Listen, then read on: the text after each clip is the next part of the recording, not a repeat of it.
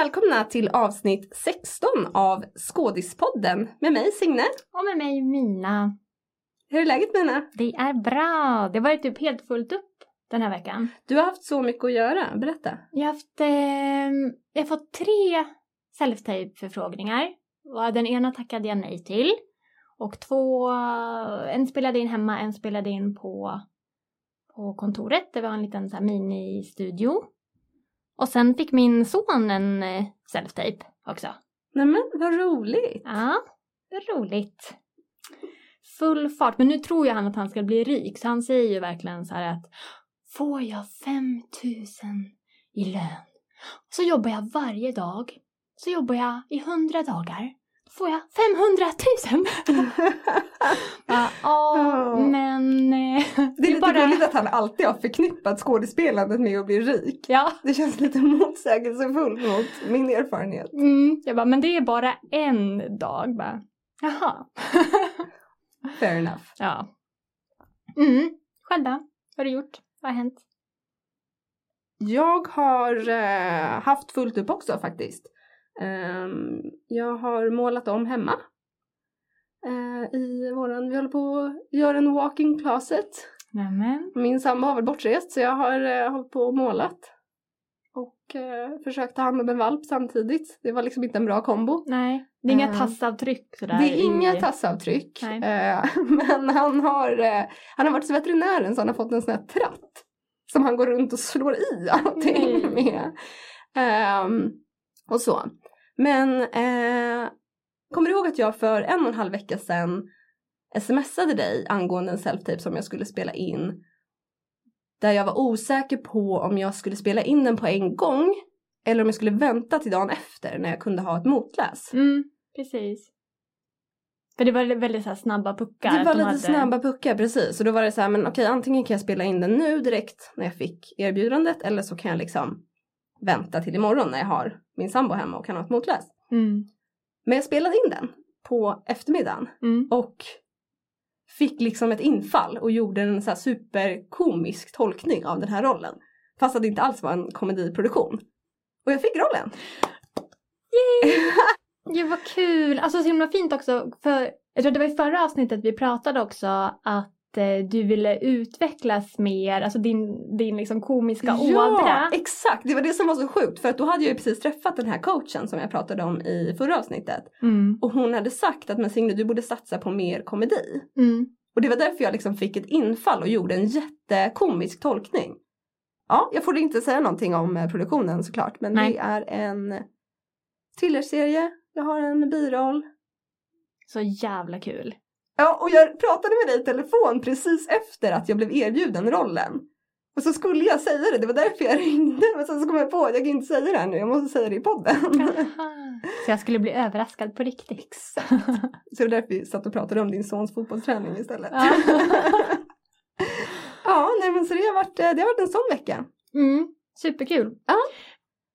Men idag ska ju faktiskt inte vi bara prata om oss själva för vi har ju en gäst här i studion.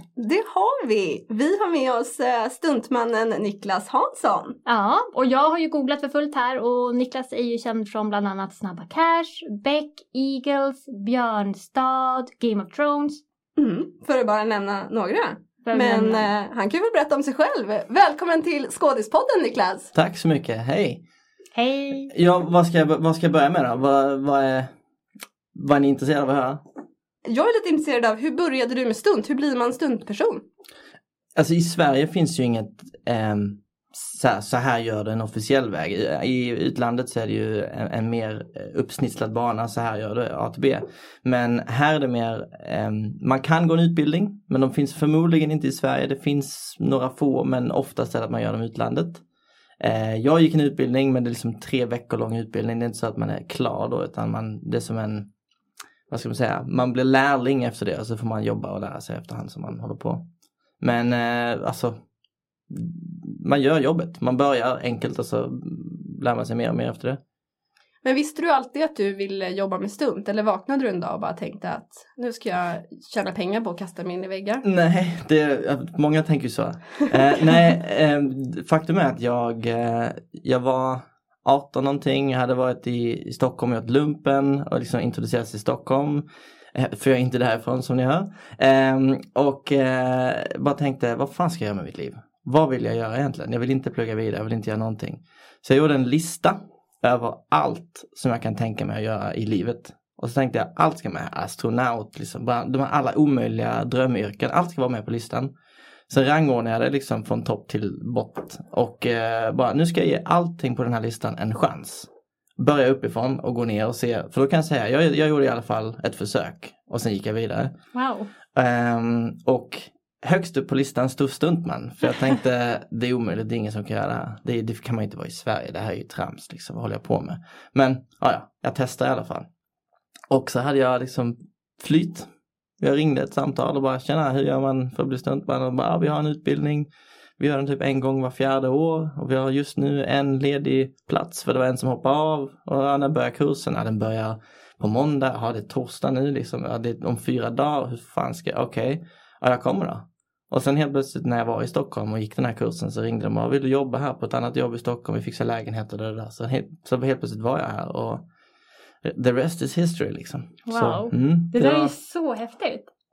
Verkligen. Jag kom aldrig liksom till punkt två på min lista. Nej. Så jag fick, jag fick stryka, riva listan. Men vad, förlåt, vad är punkt två? det, I och för sig är det också spännande för att eh, punkt två var att vara tv-spelsutvecklare. Mm -hmm. Och en av grejerna som jag jobbat väldigt mycket med är motion capture, alltså så här, skådespeleri och stunt för spel. Så att på något sätt så kan man ändå säga att jag fick både punkt ett och två för att jag fick jobba med spel också. Så att eh, jag var så girig så kunde inte ens bara ta första plats. Jag jag bägge. Mm. men okej, men då, då gick du den här tre veckors eh, kursen mm. i Stockholm. Mm. Men sen då? Eller fick du liksom råd under tiden du gick den, så här, hur man tar nästa steg? Men, och, och, vad gör man på en sån kurs? För jag tänker, alltså, det är ju ganska långt kan jag tänka från att vara en helt vanlig liksom Svensson till att det är ju ganska dramatiska grejer man utsätter sig för ändå. Ja, alltså så här, det finns ett, ett skoj, skojtalesätt som är att vem som helst kan göra vilket stunt som helst en gång.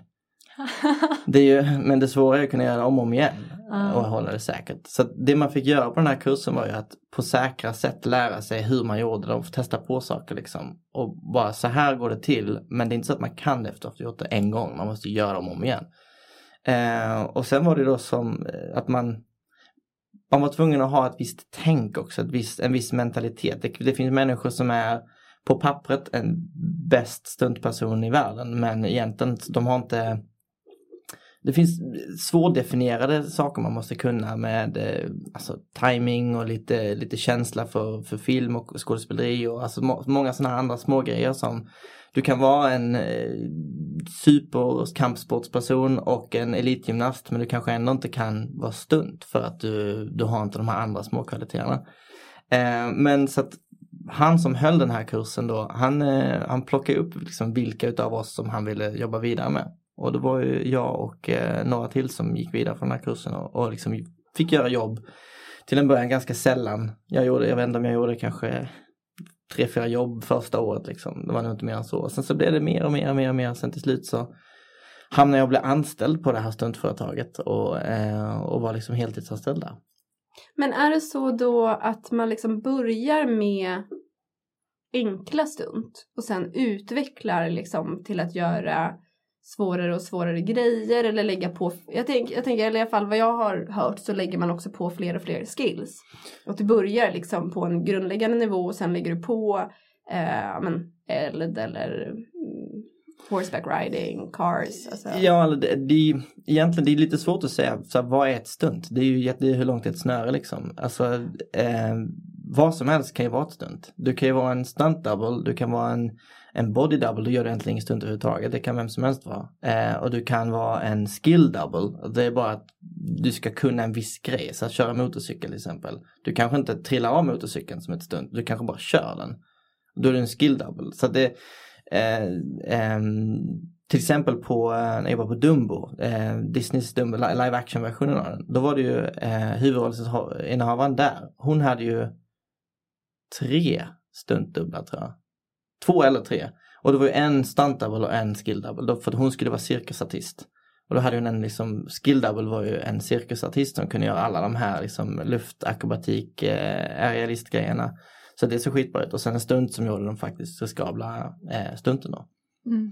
Så eh, jag har nog inte riktigt svarat på din fråga men eh, jag tror inte man kan lägga till att nu går vi svårare, svårare, svårare. För vissa människor kan i allt. Liksom. De är skitduktiga på allt innan de ens gjort ett stunt i hela sitt liv. Det är snarare att man, man börjar under någon som kans försorg om hur alltså stuntbranschen går till. Att de har hand om dig och ledsagar dig medan du gör någonting. Eh, för skillsen kan du ha men det är erfarenheten man behöver.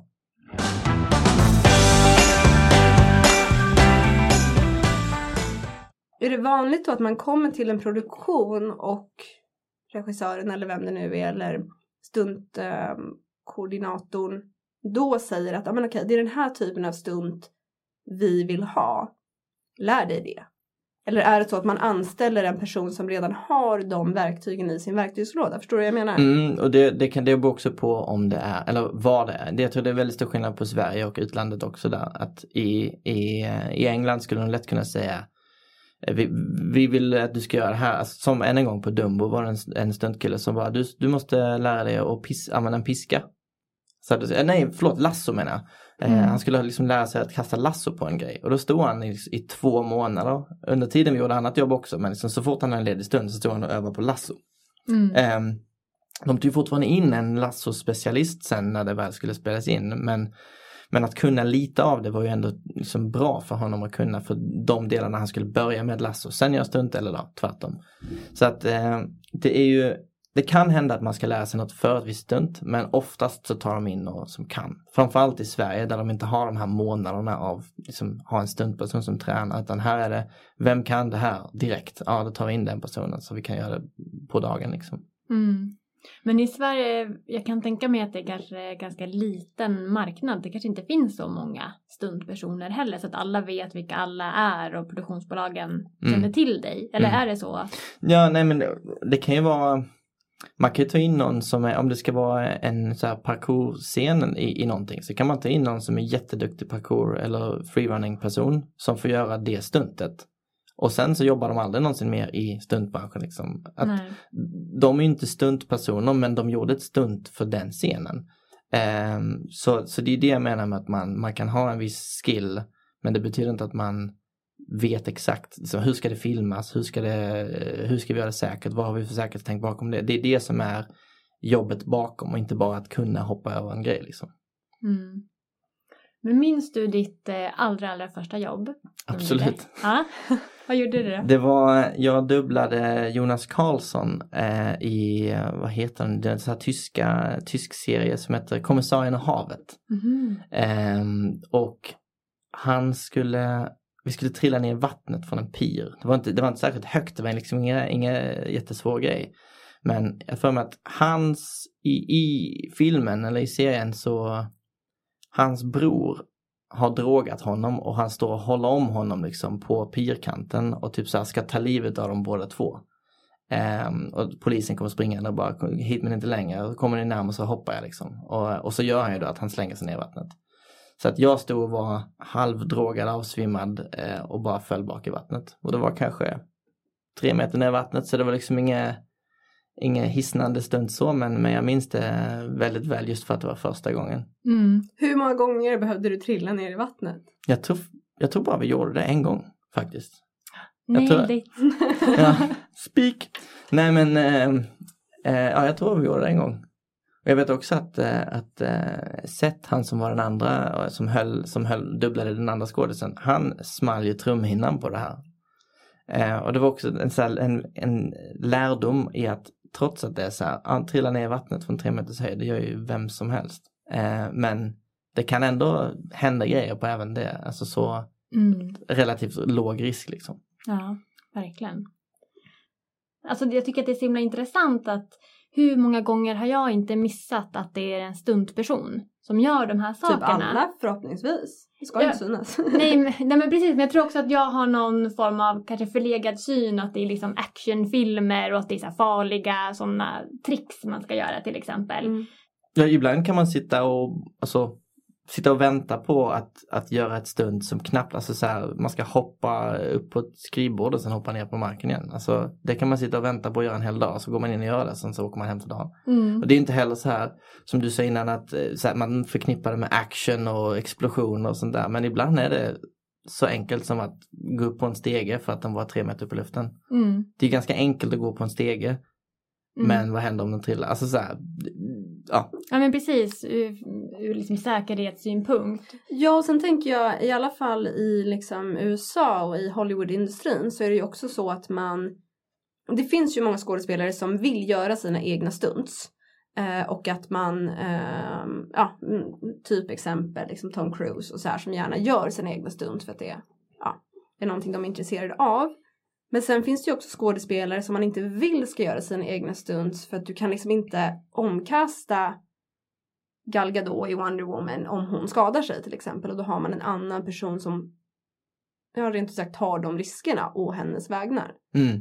Det, det, är ju, jag skulle säga att det, i, i fallet eh, eh, Tom Cruise, han är ju producent på allt han gör. Vilket innebär att han kan säga, jag ska göra det här. För normal produktion kommer ju aldrig någonsin gå med på att en skådespelare gör allting själv. För det är som mm. du säger, det är ju, om de skadar sig så står ju hela produktionen helt still. Alltså Tom Cruise skadade sig på Mission Impossible, vilken nu var någon av de senaste. Eh, 502. Eh, precis. Eh, och, och då stod hela produktionen still i typ flera månader.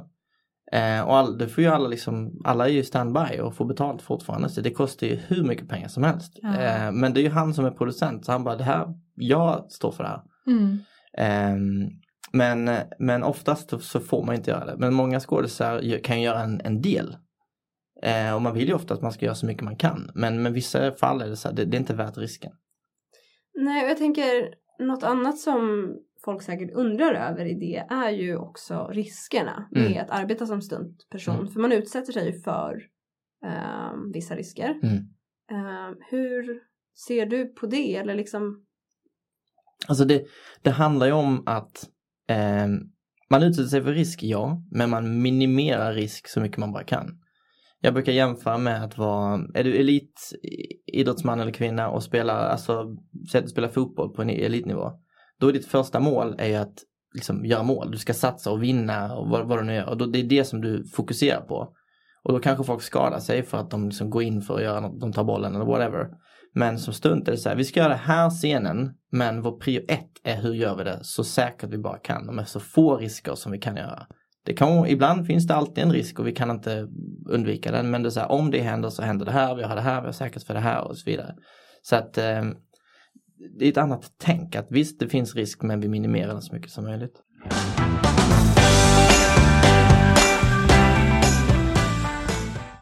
Man hör ju väldigt mycket eller läser om, liksom, framförallt vi som är lite så filmnördar, om skräckexempel där inte bara stunt men generellt filminspelningar har gått fel för att man har ja, man har inte haft rätt säkerhetstänk från början. Mm. Uh, har du sett någon förändring i filmindustrin under dina år, liksom från för 13 år sedan fram till nu, i att man har ett större säkerhetstänk?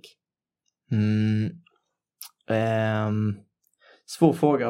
Um, jag tror inte jag har sett någon direkt förändring, uh, för det är så olika från produktion till produktion. Det är ju, vissa är superbra, vissa är inte alls lika bra. Så det, uh, men men det, det stora den stora grejen som, som vi som stunt personer kan sakna är ju att vi kopplas in tidigt nog. Utan att produktionen bestämmer att, men, eh, och här har vi ett stunt och sen så ringer de liksom en vecka innan, ja ni ska komma in och göra det här stuntet. Istället för att, här är manus, mm. hjälp oss med allt som är, för vi kanske vet mer än vad de vet om manus, om vad som, vad som behöver säkerhet, vad som behöver som stuntdubbel och så här, den här scenen skulle vi kunna göra så här, det skulle vara skitcoolt liksom. Att man får inte vara med varken tidigt eller kreativt utan det är mer eh, dyka upp och gör liksom. Mm. Eh, lös problemet istället för att vara med och skapa. Och det är synd, eh, för det är verkligen en, en, ett, ett, ställe vi, vi kan hjälpa till med och det är det vi ska göra. Att så här, vi, vi, ska spela in, ska vi göra action så vet ju vi hur man gör det. Alltså när du jämför innan med du sa i, i Hollywood och USA så där har de ju second units som det enda de gör action. I Sverige har vi inte direkt den liksom, kulturen med second unit utan det är en main unit, that's it. Så um, um, ja, jag, jag önskar att vi fick komma in tidigt. Och, för då skulle vi kunna göra så mycket coola grejer än, än när man eh, dyker upp två dagar innan. Eller man får, får nys om det två dagar innan och bara aha okej, okay, ja, vi hinner inte riktigt repa det här, vi kan inte riktigt förbereda det här som vi hade önskat. Liksom. Mm. Ja, det där är jätteintressant för jag trodde verkligen att det var att ja, men någon form av så stundkoordinator får hela manuset och att det är liksom den personen som liksom sätter stunten eh, med bra liksom, Ja, men jag tänker tiden. inte det återigen en sån här grej som eh, som tyvärr existerar jättemycket inom underhållningsindustrin att det finns vissa yrkeskategorier som alltid hamnar i skymundan. Till exempel det faktum att stunt inte har en kategori inom Oscars till exempel. Där alla andra yrkeskategorier faktiskt har en, en, liksom, ett pris. Mm. Men, och, och där många av Oscarsbelönade filmerna är liksom uppgjorda av stunts. Men det finns ingen, inget erkännande av det. Ja det är jättemärkligt. Jag tänker det är mm. återigen samma sak där då att man förväntar sig att personer ska komma in men inte ha liksom någon form av kreativ input eller ens kunna bidra med sin expertis. Vilket mm. ju är otroligt tråkigt i situationer som en filminspelning är där varje enskild person har liksom en area of expertise. Mm. Mm. Men och det, det, ska ju sägas också att självklart så, så, så får vi ju komma in och, tidigt också och, och, läsa manus. Och så. Det sker ju att vissa produktioner är ju väldigt bra på det där sättet. Men det är bara att det är inte alltid så och det är synd. Mm. Eh, och som du sa med, med eh, att det inte finns någon Oscarskategori som Mad Max-filmen när den kom ut. Den fick ju hur mycket priser och lovord och allt som helst. Och det är ju, den bygger, hela filmen är ju stund bara. Och så är det ingen stund som kan få någon uppmärksamhet eller liksom erkännande för det. Det är skitsynd tycker jag. Mm, mm. Ja verkligen. Det, det, får, det är en sån sak man får hoppas blir lite ändring på liksom. Att, uh, men att man lär sig erkänna sådana saker. Och det handlar inte om att man ska säga men vi tävlar i stunt. Det är inte det. Utan det är bara att få erkännande för väl utfört arbete. Det, ja. liksom, det, det äggar ju folk att, då, att vara bättre.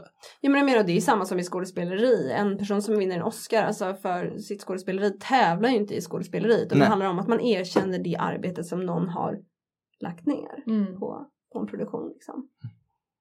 Ja. Jag tänker att det troligtvis, precis som med alla andra yrkeskategorier, eh, finns en hel del fördomar om stuntpersoner. Att det liksom är personer som ja, men är liksom adrenaline junkies eller ja, du vet så.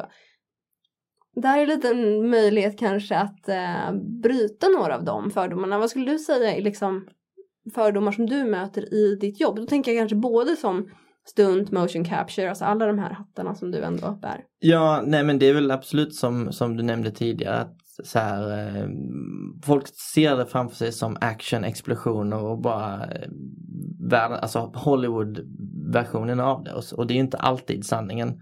Självklart jobbar du på bara eh, Avengers-filmerna så jo då kommer det vara mycket sånt men det är ju extremt mycket väntan och sånt där också. Men så stereotypen är ju att man får göra coola grejer hela tiden.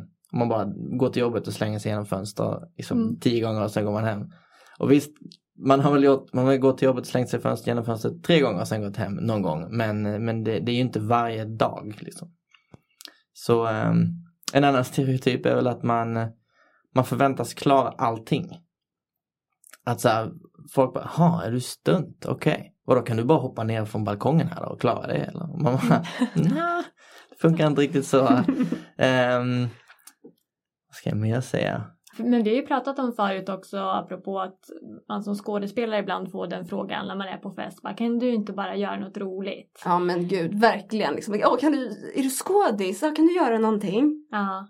Var du också sådana då? Kan gör, inte du hoppa ut från balkongen? Gör något coolt säger folk. Gör något, kan du, coolt. Gör något coolt. Men har du något som du har gjort då? Har du liksom en så här, känner du att du ändå har ett partytrick i, i bakfickan som nej, du tar fram? Nej, inte, inte, inte sådana grejer, nej. Alltså så för att så här, jag har en gång i mitt liv har jag gjort det på en, eh, på en fest. Jag tyckte jag skulle göra en bakåtvolt på dansgolvet. Eh, jag hade lite högre berusningsnivå än vad jag trodde att jag hade. Den här eh, bakåtvolten gick inget bra alls. Jag landade på mitt ansikte och det bara eh, blödde. Jag trodde jag slog ut alla tänder jag hade. Men, oh, men så jag var lite såhär, det där var dumt. Sen jag, gjorde du aldrig om Jag det. borde inte göra det här. Plus att det var, eh, det var ett par veckor innan jag skulle jobba på Game of Thrones. Mm. Alltså första gången. Jag bara fick en sån här, tänk om jag hade slagit ut någonting och liksom så här blivit riktigt illa och inte fått åka på det här feta Mm. jobbet. Mm. Jag hade aldrig kunnat leva med mig själv att man liksom sabbade på en sån dum grej på fyllan. Liksom. Nej, att Nej. vara lite cool. Ja, det är Jag liksom bara- inte värt risken. Kolla här, jag kan göra och så bara, nej, gör inte det här. Nej. Mm. Så, ehm, Don't try this at home kids. nej, gör något coolt, då gör jag något, något annat. något som inte är riskfyllt. Mm. Jag är lite nyfiken på vad det skulle vara men Trolla bort ett mynt eller något oh, gud vad coolt. Oh my god. riktigt ocoolt. Eh, Men finns det inte också en sån föreställning, men det vet jag inte om den är sann eller inte, att man som stuntman måste vara så himla fit?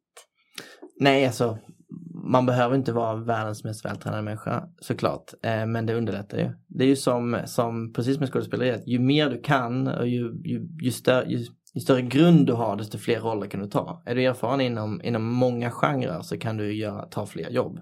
Och har du tränat och kan flera olika skills och du har en, en god fysik generellt så kan du också ta fler jobb. Så det är ju snarare om att man har ju mer man investerar i sig själv och sin kropp desto mer kan man erbjuda branschen och då också få fler jobb. Liksom. men jag tänker det kommer ju också med att det naturligtvis finns en fördel att vara stark.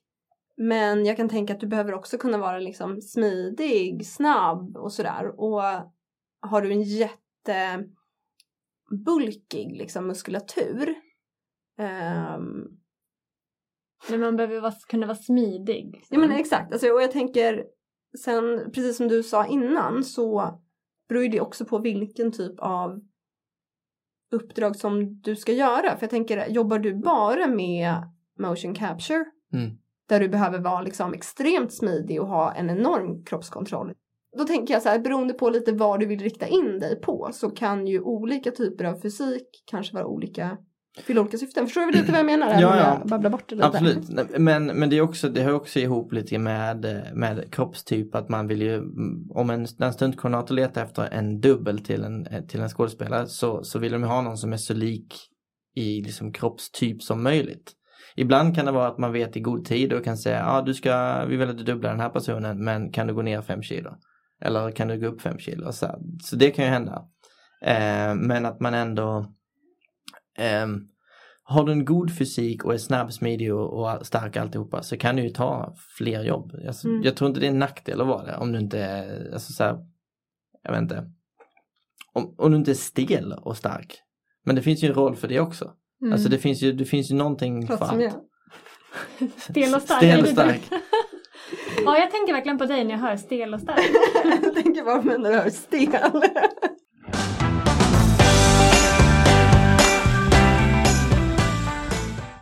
Men du nämnde tidigare att du liksom blev anställd som stuntperson efter din utbildning. Mm. Ehm, men visst är det väl så att stuntpersoner, och rätta mig om jag har fel, ofta jobbar frilans precis som vi som är skådespelare gör. Att man Ja. liksom, Ja, alltså det där var ju verkligen en, en, en sällsynt men, men eh, liksom vad säger man, privileged position att ha. Att, att jag, jag kunde vara anställd och ha en, liksom, ett fast jobb men ändå åka ut och göra jobben som om jag var frilans. Men, men ja, numera är jag frilans och de flesta, allra flesta är ju, är ju frilans. Men eh, än en gång, utomlands så kan ju folk vara frilans men anställas på ett uppdrag i sju månader.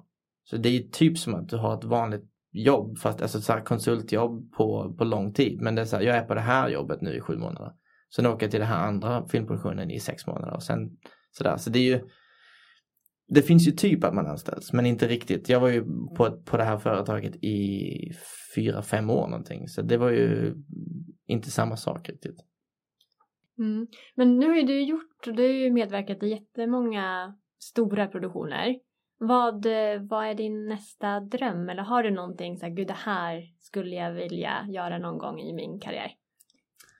Ehm, oj, det är en svår fråga. Vad, vad vill jag göra för någonting? har jag du tror- gjort Marvel? Jag har gjort... Mm,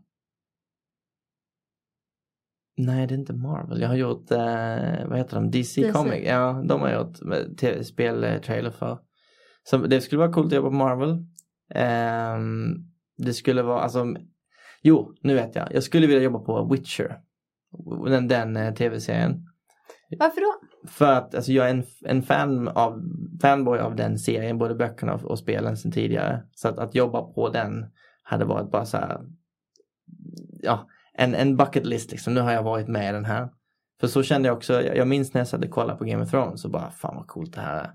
Sen flera år senare så står jag där på inspelningsplats och bara wow, det här är sjukt, här är jag nu, det är intressant. Mm. Så att, äh, att göra det, det skulle vara coolt att vara på Witcher, det skulle vara coolt att vara på Marvel, det skulle vara coolt att vara på Star Wars. Även om man har gjort, eh, Star Wars har jag jobbat för i, i, än en gång i spel och motion capture. Så jag har ju varit Darth Vader och Luke Skywalker och alla de här. Men det är skillnad att göra det på plats med alla liksom, kulisser och alltihopa och att göra det i en, i en mockup-studio.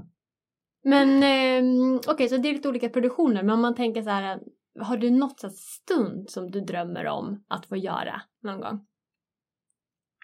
Inte egentligen, nej.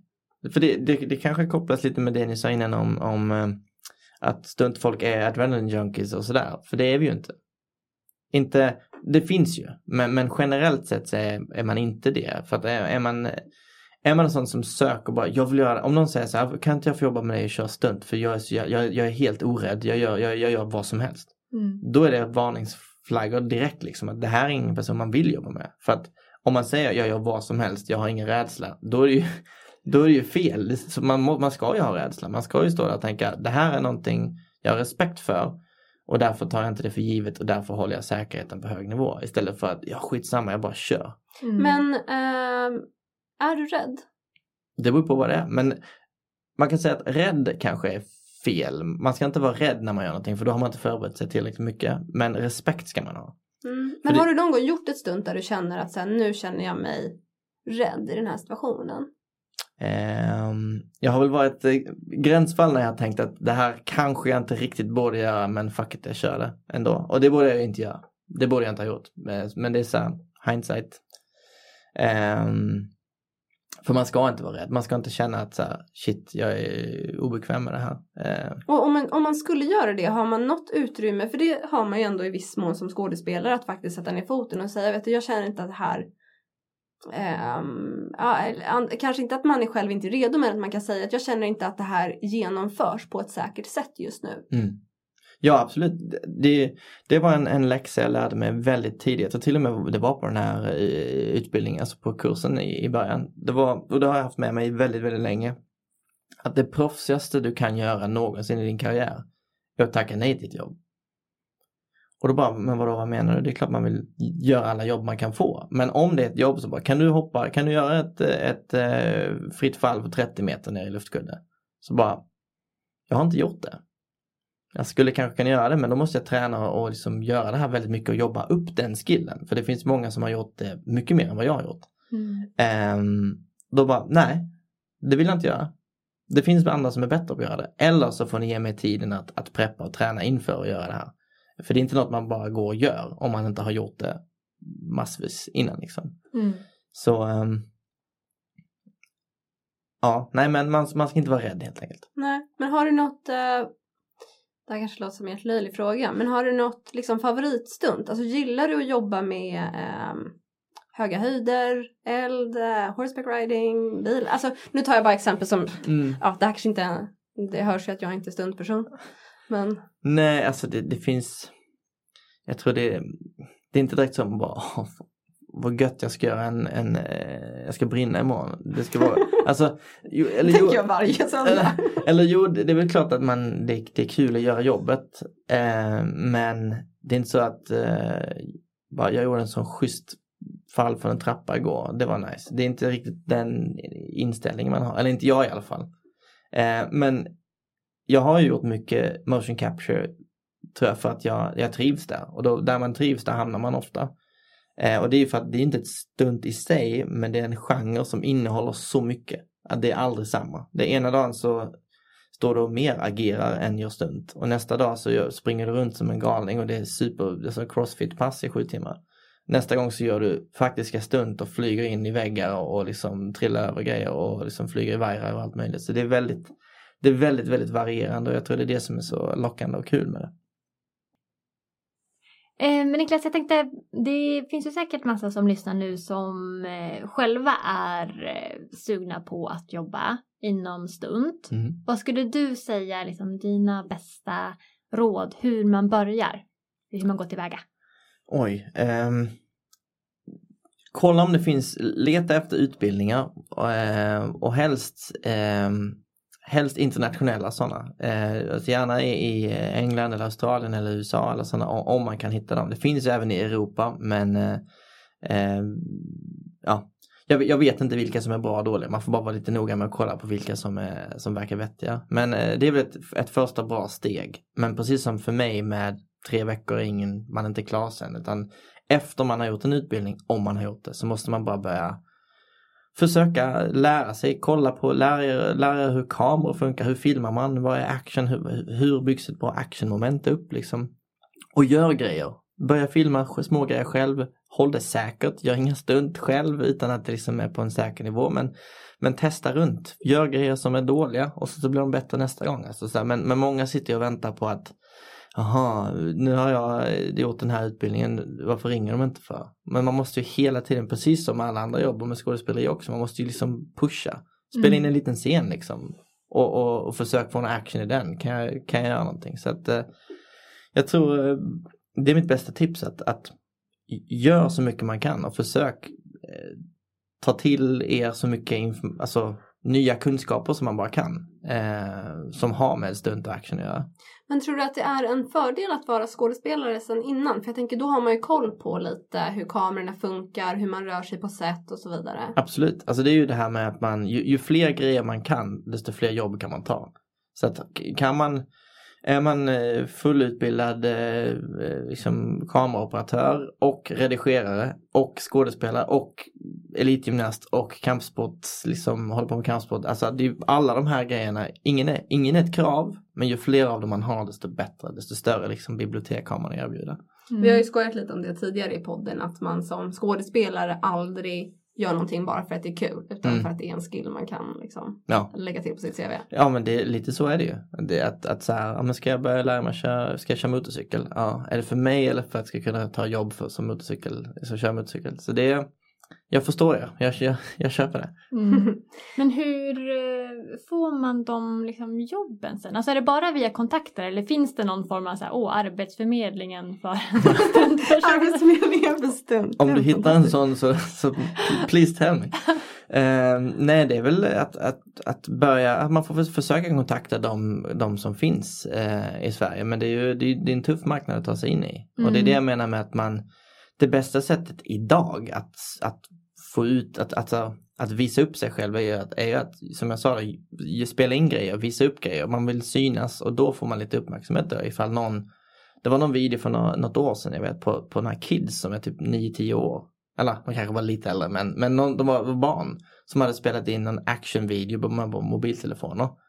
Och hela stuntvärlden var så här, det här är ju ganska bra. Mm. För att vara barn som gör det här, det är, det är helt okej okay det de gör. Det är mycket bättre än vad många vuxna har gjort. Så att eh, då fick de ju massa uppmärksamhet. Så att kan man kontakta rätt folk och även lära sig på egen hand och börja, börja experimentera och, och synas på det sättet så tror jag man har en bra början.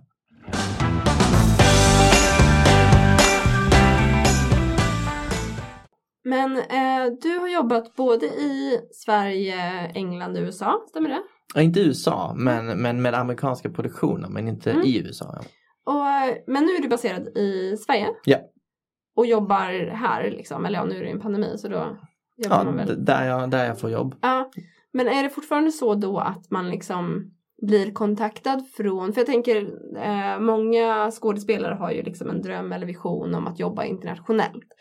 Skulle du säga att stuntvärlden är liksom internationell, transnationell i det avseendet att du jobbar liksom all over the place eller är man liksom baserad i ett på en plats? Ja, jag tror inte det finns ett, ett definitivt svar heller. Det kan variera. Alltså som, som ja, jag har haft en period nu, eh, nu har det, som du säger, det har varit en pandemi så det har varit svårt att jobba eh, utomlands. Men, men, men jag har varit väldigt mycket i Sverige på sista tiden. Eh, men sen så kan det gå ett år som man eh, bara i Sverige och sen så nästa året efter det så är man jättemycket utomlands eh, och tvärtom. Så det, jag tror inte att det är det är inte en, vad var det för ord du använde, att det är helt liksom internationella, alla jobbar för alla. Det tror jag inte riktigt. Men eh, det finns ju sådana alltså, såna tillfällen också där om, om, de behöver, om en produktion behöver jättemycket folk och de har slut på sina liksom, lokala utövare så måste de ju ta in någon annanstans ifrån. Så att, eh... Men upplever du någon avgörande skillnad mellan att jobba i olika länder? Ja, alltså framförallt jämför Sverige alltså Sverige och alla andra länder, om man har de två bara, så är ju som jag nämnde tidigare att, att Sverige är ju mindre på alla sätt och vis. Våra produktioner har inte samma typ av budget, samma typ av förberedelse. Man kan inte ta in ett stuntteam i fyra månader in, innan, alltså i pre-production och, och eh, som träna och repa allting. Det går inte, det finns inte de pengarna. Um, men så det är väl den stora grejen att, att, i Sverige så är det mycket mer skott på volley. Att man kommer in och så löser saker så snabbt och effektivt som man kan. Medan i utomlands så är det mycket mer förberedelsetid och mycket mer eh, test och liksom eh, R&D Att man säger kan vi göra så här? Ja men vi testar. Så, Nej det såg inte så bra Men det här kanske ser bra ut. Ja men vi testar den här fighten och sådär. Så det är väl den stora skillnaden skulle jag säga. Mm. Perfekt. Men eh, nu tänker jag Niklas att vi ska köra så fem snabba frågor till dig. Okej. Okay. Så att du behöver inte så här, gå in och fördjupa dig jättemycket. Utan mm. bara så här. Jag kommer, jag, ja. jag kommer säga något dumt. Ja, gör det. Vi älskar när folk säger dumma saker. Mm, säger vi något dumt? Får se. Men jag börjar då. Ja, kör, Fråga kör. nummer ett. Stuntman eller stuntperson? Stuntperson. Men mm. jag, jag är ju en stuntman. Mm. Men, Men du föredrar? Det är ju mer, mer inkluderande att säga stuntperson som yrke. Har det inte till och med varit en tid där man har sagt stuntman om kvinnor? Alltså precis som man har sagt. Eh... Jo, eller det, ja, alltså man sa ju bara, ja, vi behöver en stuntman här. Och så tar man in en tjej för den kvinnlig skådespelare. Så, ja. Men, men, eh, men är ju, eh, alltså, det är ju bättre att säga stuntutövare eller stuntperson. Mm. Det, då, är ju, då täcker det alla. Men jag är ju en stuntman och en kvinna är ju en stuntkvinna. Men ja. Um, Red Bull eller kaffe? Red Bull. Marvel eller DC? Marvel.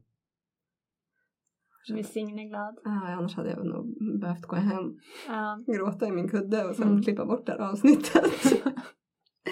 um. Styrketräning eller yoga? Styrketräning. Jag var på väg att säga en massa grejer där men jag bara, nej jag måste svara snabbt snabbt bara. Nummer fem. Utslagsfrågan. Du har en lång och gedigen karriär som stuntperson. Eller, du får jobba på en Star Wars-film, men det är det sista och enda jobbet du får göra. Lång och gedigen stuntkarriär. Som mm. Star Wars ringer. Vill han göra jobbet, men han får aldrig mer jobba i branschen någonsin mer. Exakt så. Mm. Ja, men det, det beror på. Om de betalar mig 50 miljoner, då kan jag göra det. Det, det går att köpa dig alltså? Mm. alltså ja. om det är någon som går att köpa så är det en stuntperson som gör vad som helst för pengar. nu, nu motsvarar du liksom alla tidigare fördomar ja, som ja. har om stuntpersoner. Nej, men, um, ja, men det är ju en sån fördom så här, vi betalar dig så gör du den här dumma grejen. Kan du hoppa in i den här väggen med huvudet först? Man bara, ah. Alltså det finns ju en fördom om att stuntpersoner framförallt liksom. Är tröga. Nej, ja, ja det, men det har vi redan bevisat. Nej men att de tjänar snuskigt mycket pengar. Eh, PGA, livförsäkring Vem har sagt det här? det, det, det, det um, än en gång beror det på var i världen du menar. Um, inte i Sverige. Ingen tjänar snuskigt mycket pengar i Sverige. Nej. Um, vi betalar skatt. Man kan tjäna ganska bra utomlands. Man kan tjäna ganska bra i Sverige också men inte samma, inte samma pengar. Det, det hänger ju på att eh, det finns något som heter adjustments som vi inte använder oss av i Sverige, tyvärr. Och det är något som eh, jag eller vi håller på att försöka få till att man ska få. Eh, men adjustments är helt enkelt pengar per tagning som man gör någonting jobbigt eller riskabelt eller svårt. Så om jag gör ett eldstund till exempel så i Sverige så får jag betalt för den dagen eh, och något slags risktillägg för att jag gjorde eldstunt. Men om jag brinner en eller sju gånger, det spelar ingen roll. Mm. Men adjustments är då att varje gång som jag gör det här så får jag mer pengar.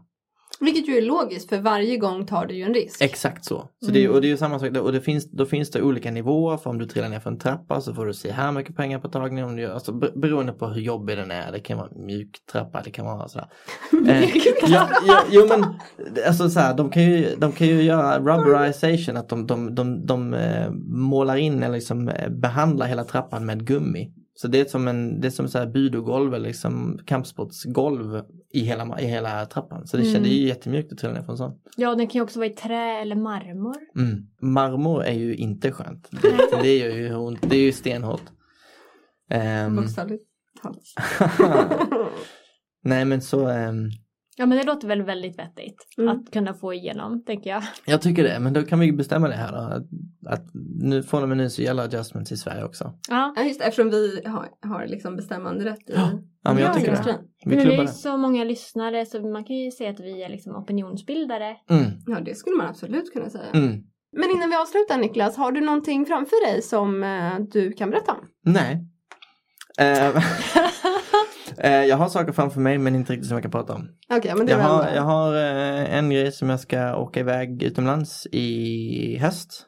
Som inte är kanske så många dagar tyvärr men det är i alla fall eh, en dag. Eh, till en början som är lite coolt men det kan jag inte prata om. Eh, sen eh, Ja, jag kan inte säga så mycket mer än så. Nej, så himla hemligt. Vi får bjuda in dig igen efter att ha gjort de här Mm. sakerna. Efteråt så får Mm. du komma tillbaka och säga hur det var. Exakt. Mm. Men eh, tack så jätte- jättemycket för att du kom och gästade våran podd Niklas. Tack själva. Superkul! Eh, Niklas, om man vill liksom se mer av dig, var kan man följa dig? Eh, Instagram, niklas.hansson. Finns ju där, Niklas med CK, det är viktigt. Ehm, eller Twitter finns jag också på, Niklas 2 understreck H. Där kan man inte med om man vill ställa frågor eller säga hej. Och om det är någon eh, av våra lyssnare nu som har några följdfrågor till Niklas så kan ni också ställa dem till oss på Skadispoddens eh, Instagram så ser vi till att eh, köra dem med Niklas vid ett senare tillfälle. Mm. Tusen tack för att du kom hit! Tack själva. Tack! Och tack till alla ni som lyssnat idag. Vi hörs igen nästa vecka. Det gör vi! Ha det bra! Hej! Hej!